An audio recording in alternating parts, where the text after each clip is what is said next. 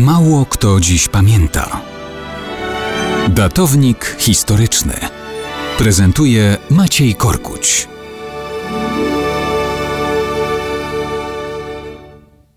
Mało kto dziś pamięta, że na początku marca 851 roku księciem Bretanii został Erispoe, syn i następca księcia Nominoe. To imiona celtyckie, wszak Bretończycy to potomkowie celtyckich Brytów, którzy schronili się na kontynencie przed ekspansją germańskich Anglów, Sasów i Jutów na Wyspy Brytyjskie. Erispoe był tym księciem Bretanii, który powstrzymał ekspansję terytorialną Franków i tak naprawdę ustalił granice tego, co Bretanią nazywamy do dzisiaj. Było tak.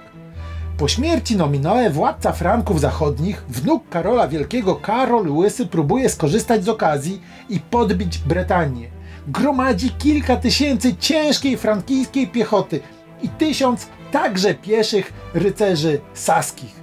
Takimi siłami uderza na Bretanię. Młody władca Bretończyków Erispoe nie przeląkł się tej potęgi. Na dawnym trakcie rzymskim pod Jengland urządza zasadzkę. Nagłe uderzenie bretońskiej konnicy i jeszcze szybsza ucieczka jeźdźców ma sprowokować pościg. Część sił frankijsko-saskich daje się w to wciągnąć. Łamiąc swoje szyki, próbują zniszczyć uciekających Bretończyków. Ci tylko na to czekają. Uderzają w tak pomniejszoną część armii Karola Łysego, wybijają ich do nogi. Następnego dnia zadają nowe ciosy już osłabionym pozostałym Frankom.